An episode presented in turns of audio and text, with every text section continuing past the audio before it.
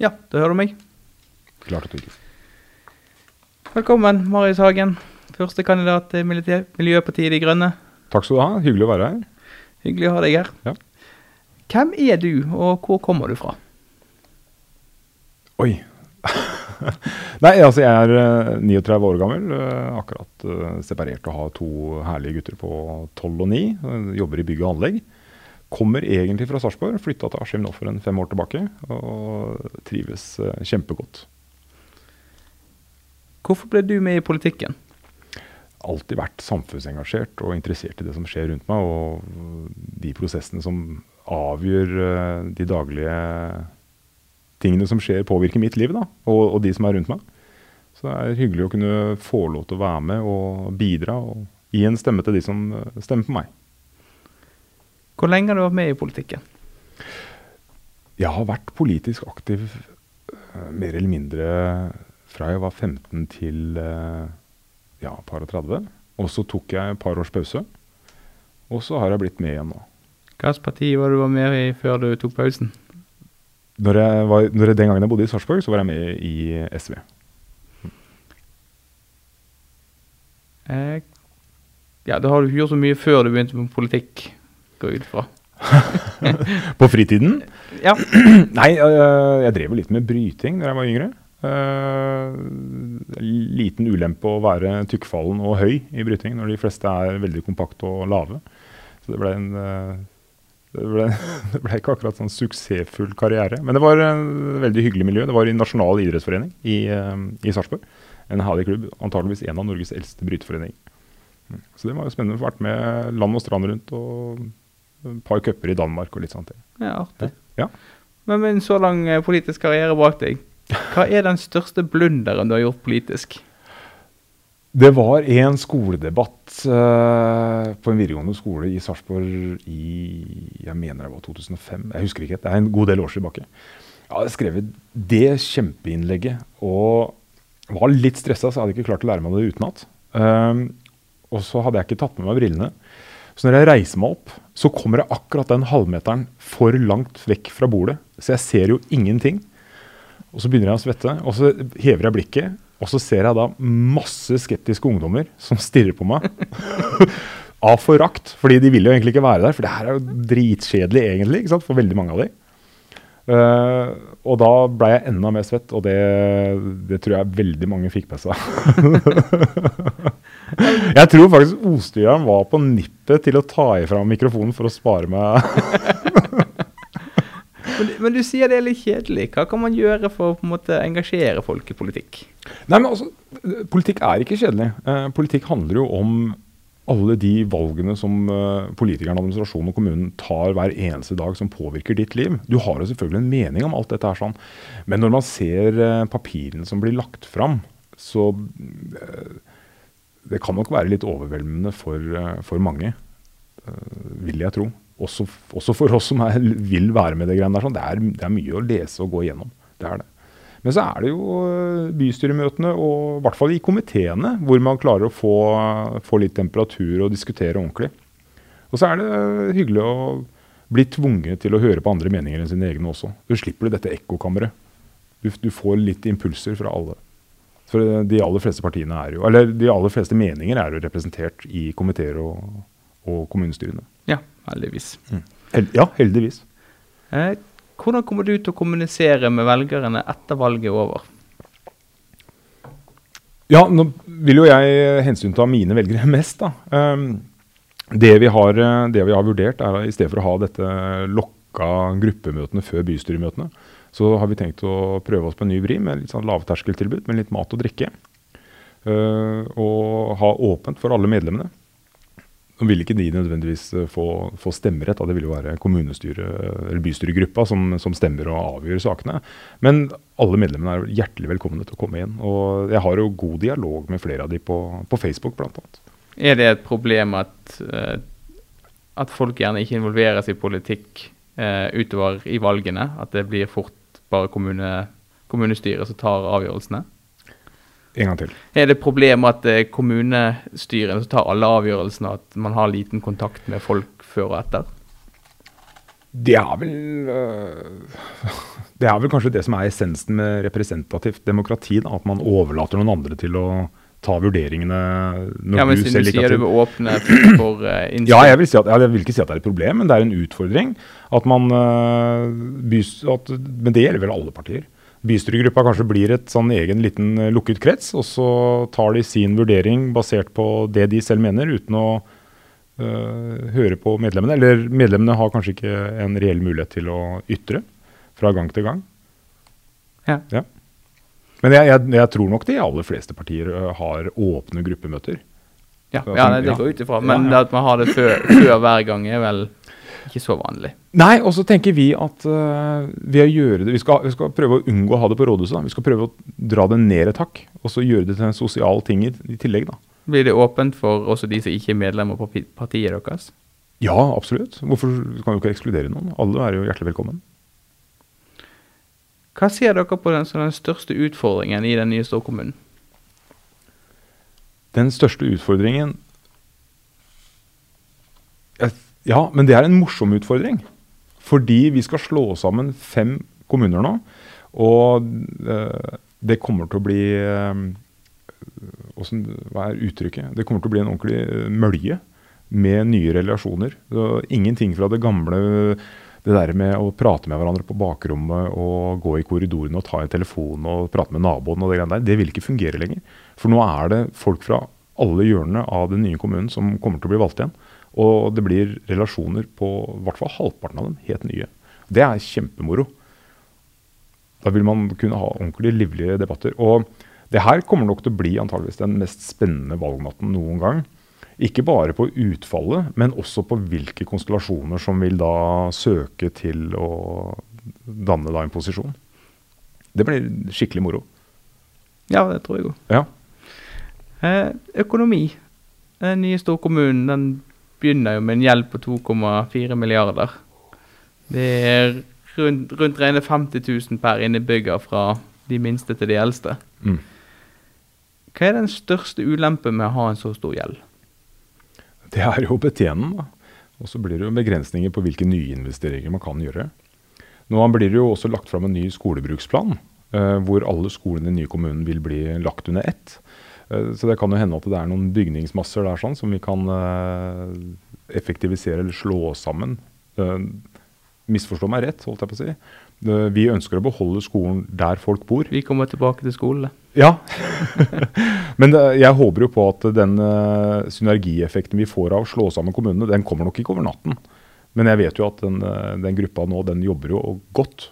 Og de jobber jo tett. Og det er, eh, det er bra oppfølging fra den nye rådmannen her. sånn. Det er jo det var jo også et spennende valg da, at de tok en rådmann da helt utenbys fra inn. Og det er vel kanskje noe med det at nye koster feier best, og så får vi se hvordan denne kosten fungerer. da. Men det blir jo til syvende og sist så blir det jo da posisjonen som avgjør økonomien fremover. Er dere for eller mot boligskatt på, på vanlige eiendommer og på fritidsboliger? Vi er imot det. Vi, eh, vi støtter den ordningen som Askim har nå i dag, på verk og bruk. Men, Eh, men verk og bruk skilles fra hverandre nå. ja, Så nå uh, går brukene de går under næringsliv, og kraftverkene vil få en egen kategori. Mm. Vil dere ha eiendomsskatt på næring? jeg, altså, ja, jeg støtter den ordninga som Askim har nå i dag. Og da inngår jo næring der.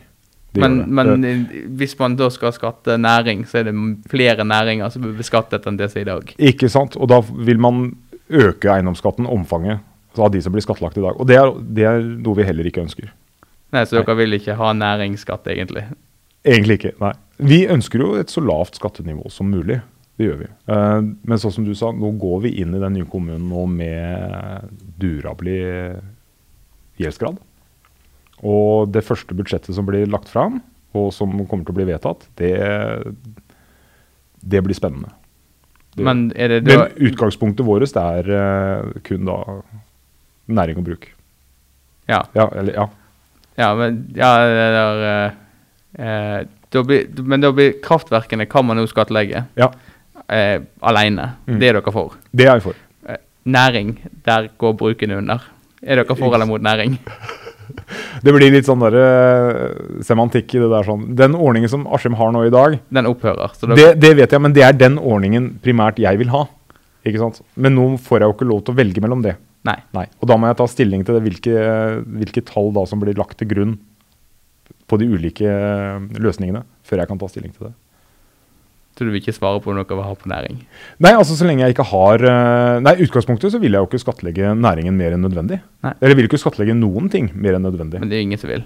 Ikke sant? Og det her er jo, Men vi vil, vi vil jo også opprettholde de, ikke bare de lovpålagte tilbudene, men vi vil jo gi innbyggerne så bra tilbud som mulig. Så før, så før det foreligger da konkrete tall med budsjettforslag og alt sammen er brutt ned, så er det vanskelig å ta stilling til det. da vil Men jeg spørsmål på denne måten. Eh, vil dere helst ha eiendomsskatt på enten næring eller bolig? Hvis dere må velge. hvis vi velger, så velger vi næring. Eh, er det aktuelt å selge tomter og eiendommer for å betjene gjeld? Det kommer helt an på hvilke tomter og eiendommer det er snakk om. Hvis det er bygg som ikke er i bruk, hvis det er et bygg som koster veldig mye å sette i stand for å tilfredsstille de krava den bruken av bygget som er i dag, så kan det være en reell mulighet å selge det for å bringe penger inn i kassa. Det kan det være. Men det må man jo veie opp fra, fra, til, fra, fra gang til gang.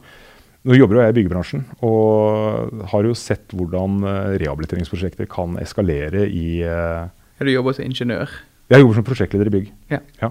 Og da En jobb som vanligvis uh, noen ganger begynner med overflateoppussing og litt bytting av vinduer og dører og litt sånne ting, så avdekker man gamle moro. Uh, og så plutselig baller ting på seg, og så må du brannprosjektere hele bygget på nytt igjen. Og så er det konstruksjoner som må oppgraderes. og eh, det kan fort bli dyrt rehabiliteringsprosjekt. Ja, jeg har vært elektriker. Jeg har sett de eskalere. Ja. Jeg hadde, hadde ett prosjekt nå.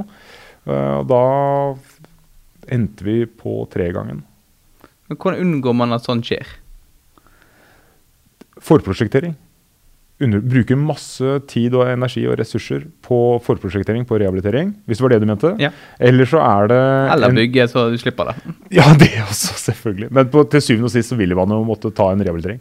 Men det er også denne her med kontinuerlig overvåkning av eiendomsmassen da, eh, og status på det, og vedlikehold. Det koster mer å reparere enn det koster å vedlikeholde Så dere er villige til å sette av litt penger til å vedlikeholde? Ikke bare villige, det er, eh, det er helt nødvendig. Ellers så biter du deg sjøl i stussen. Om noen år. Du over, ja, selvfølgelig. Men og, og jeg, jeg ser nok eh, grunnen til at mange har gjort det. Fordi du, du slipper å ta den leie beslutningen. Du bare overlater kostnaden til uh, to-tre perioder foran deg. Men det er en lei beslutning dere er villige til å ta. Ja, vi er såpass tøffe. Vi er, vi er så små og så tøffe og så idealistiske at vi er villige til å ta beslutninger som ikke er populære, men som er nødvendige. Blir det bad i Mysen? Det vil jeg vel tro. Ja, det må finansieres. Det må det. Uh, Men dere er for det? Ja, vi er for bad, vi. I Mysen. Det noe, det noe, kan, kan jo ikke være imot det. det. Det som setter begrensningen her sånn, blir jo økonomien. Men jeg vil vel anta at eh, Eidsberg-politikerne som kommer nå inn i det nye bystyret, vil presse ganske hardt øh, fra alle partier. De har jo gått ut og lova at det skal komme. Ja, I tillegg til den avtalen mellom Askim og Mysen om at det skal komme. Ikke sant? Så, Innkjøp av tjenester. Ja. Er pris eller kvalitet viktigst? kvalitet, helt klart. Uansett hvor høy prisen blir på kvaliteten. Du har, du har eh, lovpålagt kvalitet. Eh, en norm som du må følge. Og så når du, eh, når du kjøper inn tjenestene, så kan man eh, legge inn vekting. At det skal telle så og så mye pris, og så og så mye kvalitet, og så og så mye tid. Og dette her er parametere som De Grønne vil bruke framover på innkjøp av offentlige tjenester. Men nå må vi ikke være sånn at vi er for innkjøp av alle mulige tjenester i det offentlige. Men det må vektes fra gang til gang. Nei, men der det kjøpes inn. Det er det som er viktig her. Ikke sant? Ja. Altså Det du kjøper inn, må jo tilfredsstille de kravene du legger til grunn. Selvfølgelig. Og hvis de i tillegg tilbyr noe mer, men har en litt høyere pris enn de andre, så ser ikke jeg bort fra at det er, det er da det tilbudet man bør gå for. Men det som er viktig, og det er at det blir synliggjort i de dokumentene som blir sett ut til konkurranse. At de som skal gi pris, faktisk er klar over at det blir også vekta på kvalitet. Skole. Det blir 23 skoler i storkommunen. Er det for mange? Bør noen legges ned? Det var jo et ledende spørsmål. Nei. De mener at uh, de skolene vi har i dag, de er i nærheten av der folk bor. Og folk må få lov til å gå på skole i nærheten av der de bor. Så vet jeg det at det er en skolebruksplan som er under arbeid akkurat nå. Og der vil det nok komme noen overraskelser. Det, det blir Jeg tror det er eh, vanskelig å se at det ikke blir noen overraskelser. For det er 23 skoler, og et par av dem er nok i mye dårligere forfatning enn det vi antar i dag. Men sånn i forhold til Hvis det er en skole der, har, der det begynner fem elever hvert år, er det en skole som går an å drive videre? Det var et veldig spesifikt tall. Ja, det er fem, seks, fire, syv. Men er det nok? Jeg tror jeg skal vente til skolebruksplanen foreligger. Ja, det er en tommelfingerregel. Hva sier ryggmargsrefleksen din? jeg tror jeg skal vente til skolebruksplanen foreligger, og så skal jeg lese den grundig. Og så skal jeg uttale meg om hvilken innstilling eh, jeg og De Grønne kommer til å ha. Men nå går folk og velger før den, den er klar. Jeg ser vel vanskelig for meg at en skole med fem elever totalt sett, Nei, vi får begynne hvert år. det høres veldig lite ut det gjør det. Men vi må ikke se bort ifra at en skole av en slik størrelse uh, er veldig viktig for de elevene som er der. Og du har en helt annen oppfølging av den enkelte elev. Han er mye mer synlig hos læreren enn på en større skole. Så hadde vi hatt økonomi til det, så kunne jo alle skoler vært slik. Og hver elev hatt en fenomenal oppfølging. Men det er et stort sprang mellom en slik skole og en skole med f.eks. seks, sju, åtte parallellklasser. Det er etter mitt syn altfor stort igjen. Ja, men det er jo ikke fare for at de får så store skoler i Indre Nei, men du begynte jo med dette her med Ja, jeg, jeg, Ja, ikke ja men, men det har med grendeskole å gjøre. Ja. Hvis man vet sånn noenlunde hvor man setter grensen, så forstår man òg hva skoler som er i fare. Jeg tror ingen av de som står på listene nå til valg, eh, har lyst til å legge ned skoler. Men så tror jeg det at uh, skolebruksplanen som blir lagt fram, den vil gi noen overraskelser. Og så blir vi nødt til å ta noen harde beslutninger. Dessverre. Gratis skolemat. Ja, selvfølgelig. Hvordan finansieres det? Det er jo oppfølgingsspørsmålet. Det det. Selvfølgelig. Nei, det hadde vært en drøm, det. Og det viser seg også det at eh, det utjevner også forskjellene i samfunnet. Eh, fordi du gir næring og, som varer ut hele dagen. Og barn Norge er, jo, er vel det eneste, hvis ikke det er et land til, som ikke tilbyr eh, skolemat til barna i grunnskolen. Ja, jeg kan ikke faktasjekke det. Nei, nei. Vi kan jo google det nå. Det kan google. Men eh, nei, helt klart, mat i skolen. Men spørsmålet er, blir jo hvordan vi skal finansiere det. Hvor er det maten skal hentes fra, og hvilket omfang er det maten skal være. For det er, det er en stor forskjell mellom det å tilby to brødskiver med brunost kontra det å tilby eh, store måltider med varm mat. Hva ser dere for dere er mulig å gjøre i Jeg tenker at de fire neste årene? fire neste årene så bør vi absolutt ha klart å få til eh, skolefrukt. At det er eh, frukt til alle elevene hver dag i alle skolene. Det, det må vi få til. Det er det minste, tenker jeg. Gratis SFO? Det hadde jo vært drømmen. Men er det mulig? Det er mulig, men jeg, ser ikke helt hvor pengene skal komme fra sånn eh, øyeblikkelig. Uh, vi er i en pendlerkommune. Det er ganske mange tusen som reiser ut av denne kommunen her sånn tidlig hver morgen. Uh, og SFO er, er en nødvendighet for veldig mange av dem til å få hverdagen til å gå i hop. Og det er helt klart at det her hadde jo betydd veldig mye for familieøkonomien til folk hvis det her var gratis. Men det hadde også betydd veldig mye for økonomien til kommunen hvis dette her hadde gratis. Ja, men er det, vil dere jobbe for å i hvert fall senke prisen, om ikke få ned i null? Absolutt. Det er og øke innslagspunktet for uh, reduserte satser. Eldreomsorg. I dag så er det fem omsorgssentre og ett helsehus. Vil alle de bestå? Det må være utgangspunktet. At det, det tilbudet som er i dag, er det tilbudet vi får også i den nye kommunen, og helst bedre. Nå er det heldigvis masse ting som har skjedd på helsefronten med ulike teknologiske eh, virkemidler.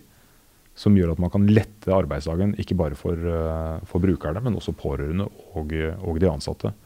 Og når det blir snakk om å bygge nytt etter hvert, så er det her noe De Grønne vil jobbe for. Å implementere mest mulig teknologi for å lette arbeidsdagen for de ansatte, ikke minst. Også for, for brukerne som er der, og, og, de pårørende. Og så må vi huske på det at uh, kommunen er for innbyggerne. Det er ikke slik at innbyggerne er for kommunen. Og når du har gått gjennom hele livet ditt og du har kommet til det punktet hvor, lenger, hvor du ikke klarer deg hjemme alene selv, eller med bistand, så må du få ikke bare en verdig, men du må få en gledelig slutt. Altså. Hvordan gjør man det? Nå er det en del uh, undersøkelser som viser det at man uh, jo mer, man kan gjøre sånne sosiale program med besøksprogram, og man kan implementere dyr, og man kan ha f.eks. kjøkkenhager. Sånne ting, og det har vist seg å være veldig positivt. Vi må inkludere veldig mye mer. Vi kan ikke bare, det er ikke slik at du setter folk bort for å, for å bli der. Vi må, vi må, kunne inkludere dem mer i samfunnet. Vi må ta vare på den, eh, det de representerer. Har du inntrykk av at vi gjør det i Indre Østfold i dag? nei, nei, nei. Det er, vel, det er vel mer en sånn generell betraktning på hvordan den vestlige verden fungerer. Men sånn, sånne tiltak, det krever jo mer ressurser. Det gjør det. Som alt annet. Det, det blir jo, det blir jo en prioriteringssak. Er det, det, er det, det viktig er prioritering å, å, få til et, den type tilbud som du snakket om, og eventuelt få dyr inn? Det er, det er, absolutt noe vi kommer til å prioritere. Og, og det, som er så moro med oss, er at vi kommer til å legge fram helt konkrete forslag. Vi kommer ikke til å bruke sånne floskler som å gjøre ting bedre. Men vi kommer til å komme med helt konkrete forslag, og vi kommer til å ha henvisninger til tidligere undersøkelser og rapporter som viser at dette fungerer. Hvor viktig er det for deg å lese rapporter og undersøke eller få, Man kan, ja. Eller å på en måte få undersøkt ting eller lese rapporter eh, ordentlig før man det er. Det er ganske viktig for meg. At du må, ha, du må ha underlag. Du må ha dokumentasjon på det du, det du legger frem. Men noen ganger må man også lage den dokumentasjonen og være den første som forsøker noe. Ja, men da stiller man seg i en sånn uh, prosjekteringsgruppe. Og man har, et, uh, man har, da en uh, idé om at noe kanskje fungerer. jeg tror kanskje ikke at Indre Østfold kommune skal være en sånn det, Jo, det kunne egentlig vært litt morsomt at vi prøvde ut nye ting som vi bare har en tanke om kanskje fungerer. Blir det mer privatisering i eldreomsorgen? Nei, det vil jeg ikke tro. Tenk på om vi kommer til å stemme for det. Ja eller åpne for det? Jeg tenker at uh, eldreomsorg, altså velferdstilbudet, det må være en universell uh, rettighet. Og det, det, som er viktig, er at alle har tilgang til de samme mulighetene i det eldre. Nå er det noen helsetjenester blant annet, som blir kjøpt inn privat i dag. Et sånn lite samspill med det offentlige. Det som vi har sett tidligere når uh, bl.a. eldreomsorg blir lagt ut på anbud, det er da at kommunen de stykker opp pasientene sine i brukergrupper. Og så kommer da det private inn, og så tilbyr de eldreomsorg til de såkalte lette pasientene. Og så sitter da kommunen med fellesskapets midler igjen med en eh, mer ressurskrevende gruppe. Og så summa summarum så blir det ikke billigere, det blir ikke bedre. Så utgangspunktet må være det at det offentlige tilbyr det tilbudet som, eh, som vi må tilby våre innbyggere fortetning. Og vi kan ikke inne på hjertesakene til eh, De grønne. Eh, Fortetting kommer vi ikke utenom jordvern. Nei, det gjør vi ikke. Jeg var på Trøgstads eh, største gård i går og treska. Nå husker jeg ikke navnet, uh, for det var ikke han som eide gården han jeg treska sammen med. Jeg husker bare navnet han jeg treska sammen med. Vi hadde en kjempeprat. Og i Norge så er det 3% som er dyrkbar mark og 2% er matjord. Da er det meningsløst å drive og pløye bort det vi har, det vi skal leve av framover. For vi må faktisk importere en god del av den maten vi spiser allerede i dag. Og, så vi kommer nok ikke utenom fortetting, og da tenker jeg at da er det bra at vi, når vi utvikler bysentra, de eh, lokalsamfunnene vi har som vi skal fortette, så skal vi gjøre det på vegne av menneskene som bor der. Det må tilrettelegge for folk til å bo der. Og Transportøkonomisk institutt de har lagt fram ganske mange rapporter og kriterier for hvordan man skal øke bylivet. Og Det er ikke nødvendigvis slik at man skal tilrettelegge for eh, bilen hver gang. Men hvordan gjør man det? Hvordan øker man by for et vi må, ha, vi må ha næringslokaler. Vi må ha kulturelle uh, innslag i bysentra. Vi må tilby tjenester som innbyggerne vil ha. Så hvor høye bygninger vil dere tillate i Askimysen, Skjønhaug? Nå skal den nye kommunen i gang med å fjerne noen av de titalls mange reguleringsplanene som er fra forrige årtusen. Og kommer til å bli en durabelig jobb, og det kommer til å bli skikkelig moro. Jeg tror ikke jeg skal låse meg til noe sånn uh, høyde på antall etasjer eller bygge, antall meter i byggehøyde. Det vi kommer til å sette som kriterium, det er at det skal være luft, det skal være sol. Det skal være mulig å være menneske og leve der. Og så skal vi ha grønne tak for uh, fordrøyning av vann, og så skal vi ha grønne tak for insektene, slik at de kan spre mer pollen. Er det et problem med insekter i Norge, eller er det et europeisk fenomen? Det, det, er absolutt også et norsk problem. Det har aldri vært så mange insekter som er på rød liste som det er nå. Vil dere sette en eh, nedre grense for hvor lav et bygg kan bli? F.eks. en butikk som vil bare være én etasje høyt i, midt i Askim eller midt i Mysen. Vil det være ok? Ja, Spennende spørsmål. Det har jeg, ikke, har jeg ikke tatt stilling til. Jeg vil, vel, eh, jeg vil vel anta at grunneieren av en sånn tomt, hvor det er tillatt å bygge høyt, i et sentrumsnært område, vil ønske å få mest mulig utnyttelse av den tomta. Likevel så står det på Kiwi og Mysen.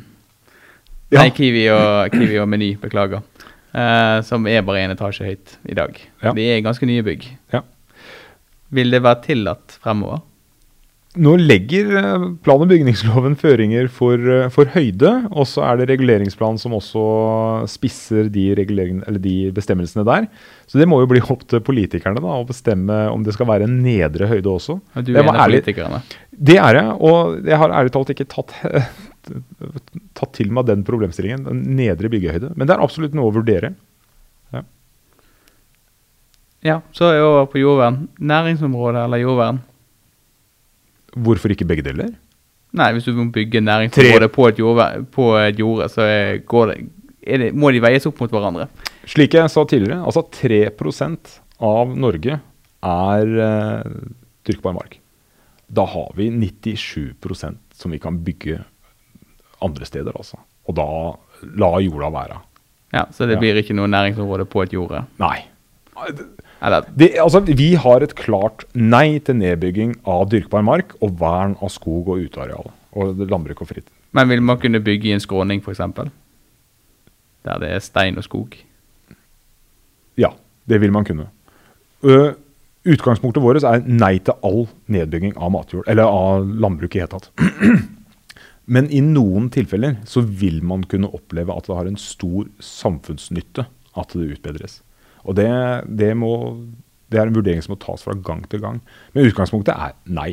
Eh, den planlagte eh, motocrossbanen som, som Trøgstad kommune har fått inn i kommuneplanen sin, det er noe vi helt klart er imot. Du bygger ikke ned 300 mål med dyrkbar mark og i tillegg 100 mål med myr for å anlegge bilcrossbane når du har 20 minutter til Skjønhaugen og, og 10 minutter til Momarken og 25 minutter til Rudskogen. I hvert fall ikke inne i et uh, område som er uh, brukt til uh, kyllingoppdrett og, og heste, hestefarmer. Hest er faktisk en av de, en av de mest voksne næringer som vi har i Indre Østfold. Det ja. øker, ja. Vil dere være for utbyggelse av bebyggelse utenfor de bebygde kjernene? Det vil jo gå utover kollektivtransport. hvis det vi, vi, har en holdning Vi mener at uh, majoriteten av nybygg nå det må skje i nærheten av kollektivknutepunkt, og der vi har eksisterende infrastruktur. Men det er ikke så mye eller, Man kan si mye fint om Indre Østfold, men kollektivtransporten her er ikke Den, veldig god. Uh, ja, det er vel veldig mildt sagt. Er, uh, vi, vi, vi, bor, vi bor veldig nærme det sentrale. Vi gjør det. Men vi må ha bil for å komme dit. Og vi er, vi er, på, vi er på, bygda, vi er i et distrikt. Jeg syns at folk skal, skal, bruke bilen med, med god samvittighet ja, her ute. For det, det, er faktisk ikke noe reell mulighet å drive og ta, ta buss til jobb Men vil dere jobbe for at det skal gå an å gjøre? Nå er det fylket som er ansvarlig for det, men Ja, altså, ja, det vi vil gjøre, det er å jobbe for flere bussavganger. Selv så pendler jeg inn til Oslo hver dag. Jeg kan ikke ta toget. Eller jeg kan ta toget, men da kommer jeg enten en time for tidlig, eller så kommer jeg 20 minutter for sent til arbeidsdagen min. Hadde det vært et halv seks-avgang med toget fra Askim, så kunne jeg tatt kollektivt. Og det, det her er noe, en av de tingene vi vil løfte opp mot beslutningstagerne. Buss eh, er jo fylkespolitikerne, og NSB, eller Vy, da. ja. Det, det er jo eh, lenger opp i systemet. Og det, der vil vi legge press på. Nå fikk jo heldigvis eh, gutta i, i et annet parti eh, gjennom, eh, gjennom for en halvtimesavgang til tidligere. Og det er kjempebra. Øke tilbudet. Og så det neste nå det er jo å få toget til å faktisk gå når det står. da. Så, men Ja. det, Det jobber vi litt med hver sommer. Det merker alle som pendler. ikke bare hver sommer, men ellers også. Ja. Jeg så en sånn eh, hvordan det her var brutt opp på eierstruktur og drift og sånt, og det ser ut som et uh, salig kaos. Jeg håper det blir bedre når Follobanen er klar. Ikke bare eh, da, men eh, at vi faktisk får en påkobling der ganske kjapt. Hvordan kan man, Jeg har ikke spurt de andre om det, men hvordan kan man gjøre det at man faktisk får koble seg til Follobanen? Må jo legge press på de som vedtar dette her sånn, da. Eh, nå er det en del kurvaturer som er ute og går her sånn for, eh, for hvor fort toget kan gå, og hvor mye det klarer å svinge per gang. Eh, så det vil jo faktisk dessverre ta en god del jord, jordareal hvis det gjennomføres. En annen mulighet er jo å bygge en helt ny linje. eh, og følge da E18, den nye E18, og, grave ut samtidig som vi skal fornye E18. Og Men det er jo en stund til. altså Da er det ti år frem i tid før man er Ja, ikke nødvendigvis. Eller jo, det er det. Jo, nødvendigvis. eh, Over til noe som ligger enda, hjertet deres enda nærmere. Hva er deres miljøprofil? Hva kan man konkret gjøre i Indre Østfold kommune eh, for å få en bedre miljøprofil? Det første vi må gjøre, det er å få et klimaregnskap. Vi må finne ut hvor skoen trykker. øh, og så må vi kunne kartlegge hva som er lett å fikse, hva som er vanskelig å fikse, hva som er rimelig å fikse, og hva som er dyrt å fikse. Etter at vi har lagt fram regnskapet, så kan vi legge fram et budsjett med forbedringsforslag. Og så ønsker jeg at den nye kommunen skal bli miljøtårn-sertifisert. Nå har vi visse eh, instanser innad i kommunen som er sertifisert. Askim kommune kan bl.a. sertifisere andre igjen. Men hele kommunen i sin helhet er ikke sertifisert. Og det er noe vi kan, kan begynne der. Da. Begynne de små. Og så tenker jeg at hver gang vi legger ut et anbud for innkjøp av f.eks. kjøretøy, så skal x antall være elektrifisert. Og så må vi ha et hovedmål når det skal være ferdig. Jeg ser for meg 2025. Det er nok litt tidlig, sånn realistisk sett. Eh, men vi må jobbe mot det. Og når det gjelder utbygging, utbygging på offentlige bygg, så kan vi også sette som kriterium på at eh, x antall prosent av anleggsmaskinene skal være elektrifisert. Og en kjempefordel der sånn, det er at det er én leverandør på Østlandet, mitt, meg bekjent, som eh, leier ut elektriske anleggsmaskiner. Og det er Sørby.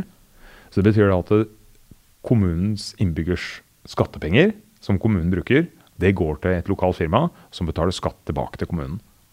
Men, men er det sånn at firmaet må ha økonomiske muskler til å leie inn elektriske anleggsmaskiner for å få kontrakter?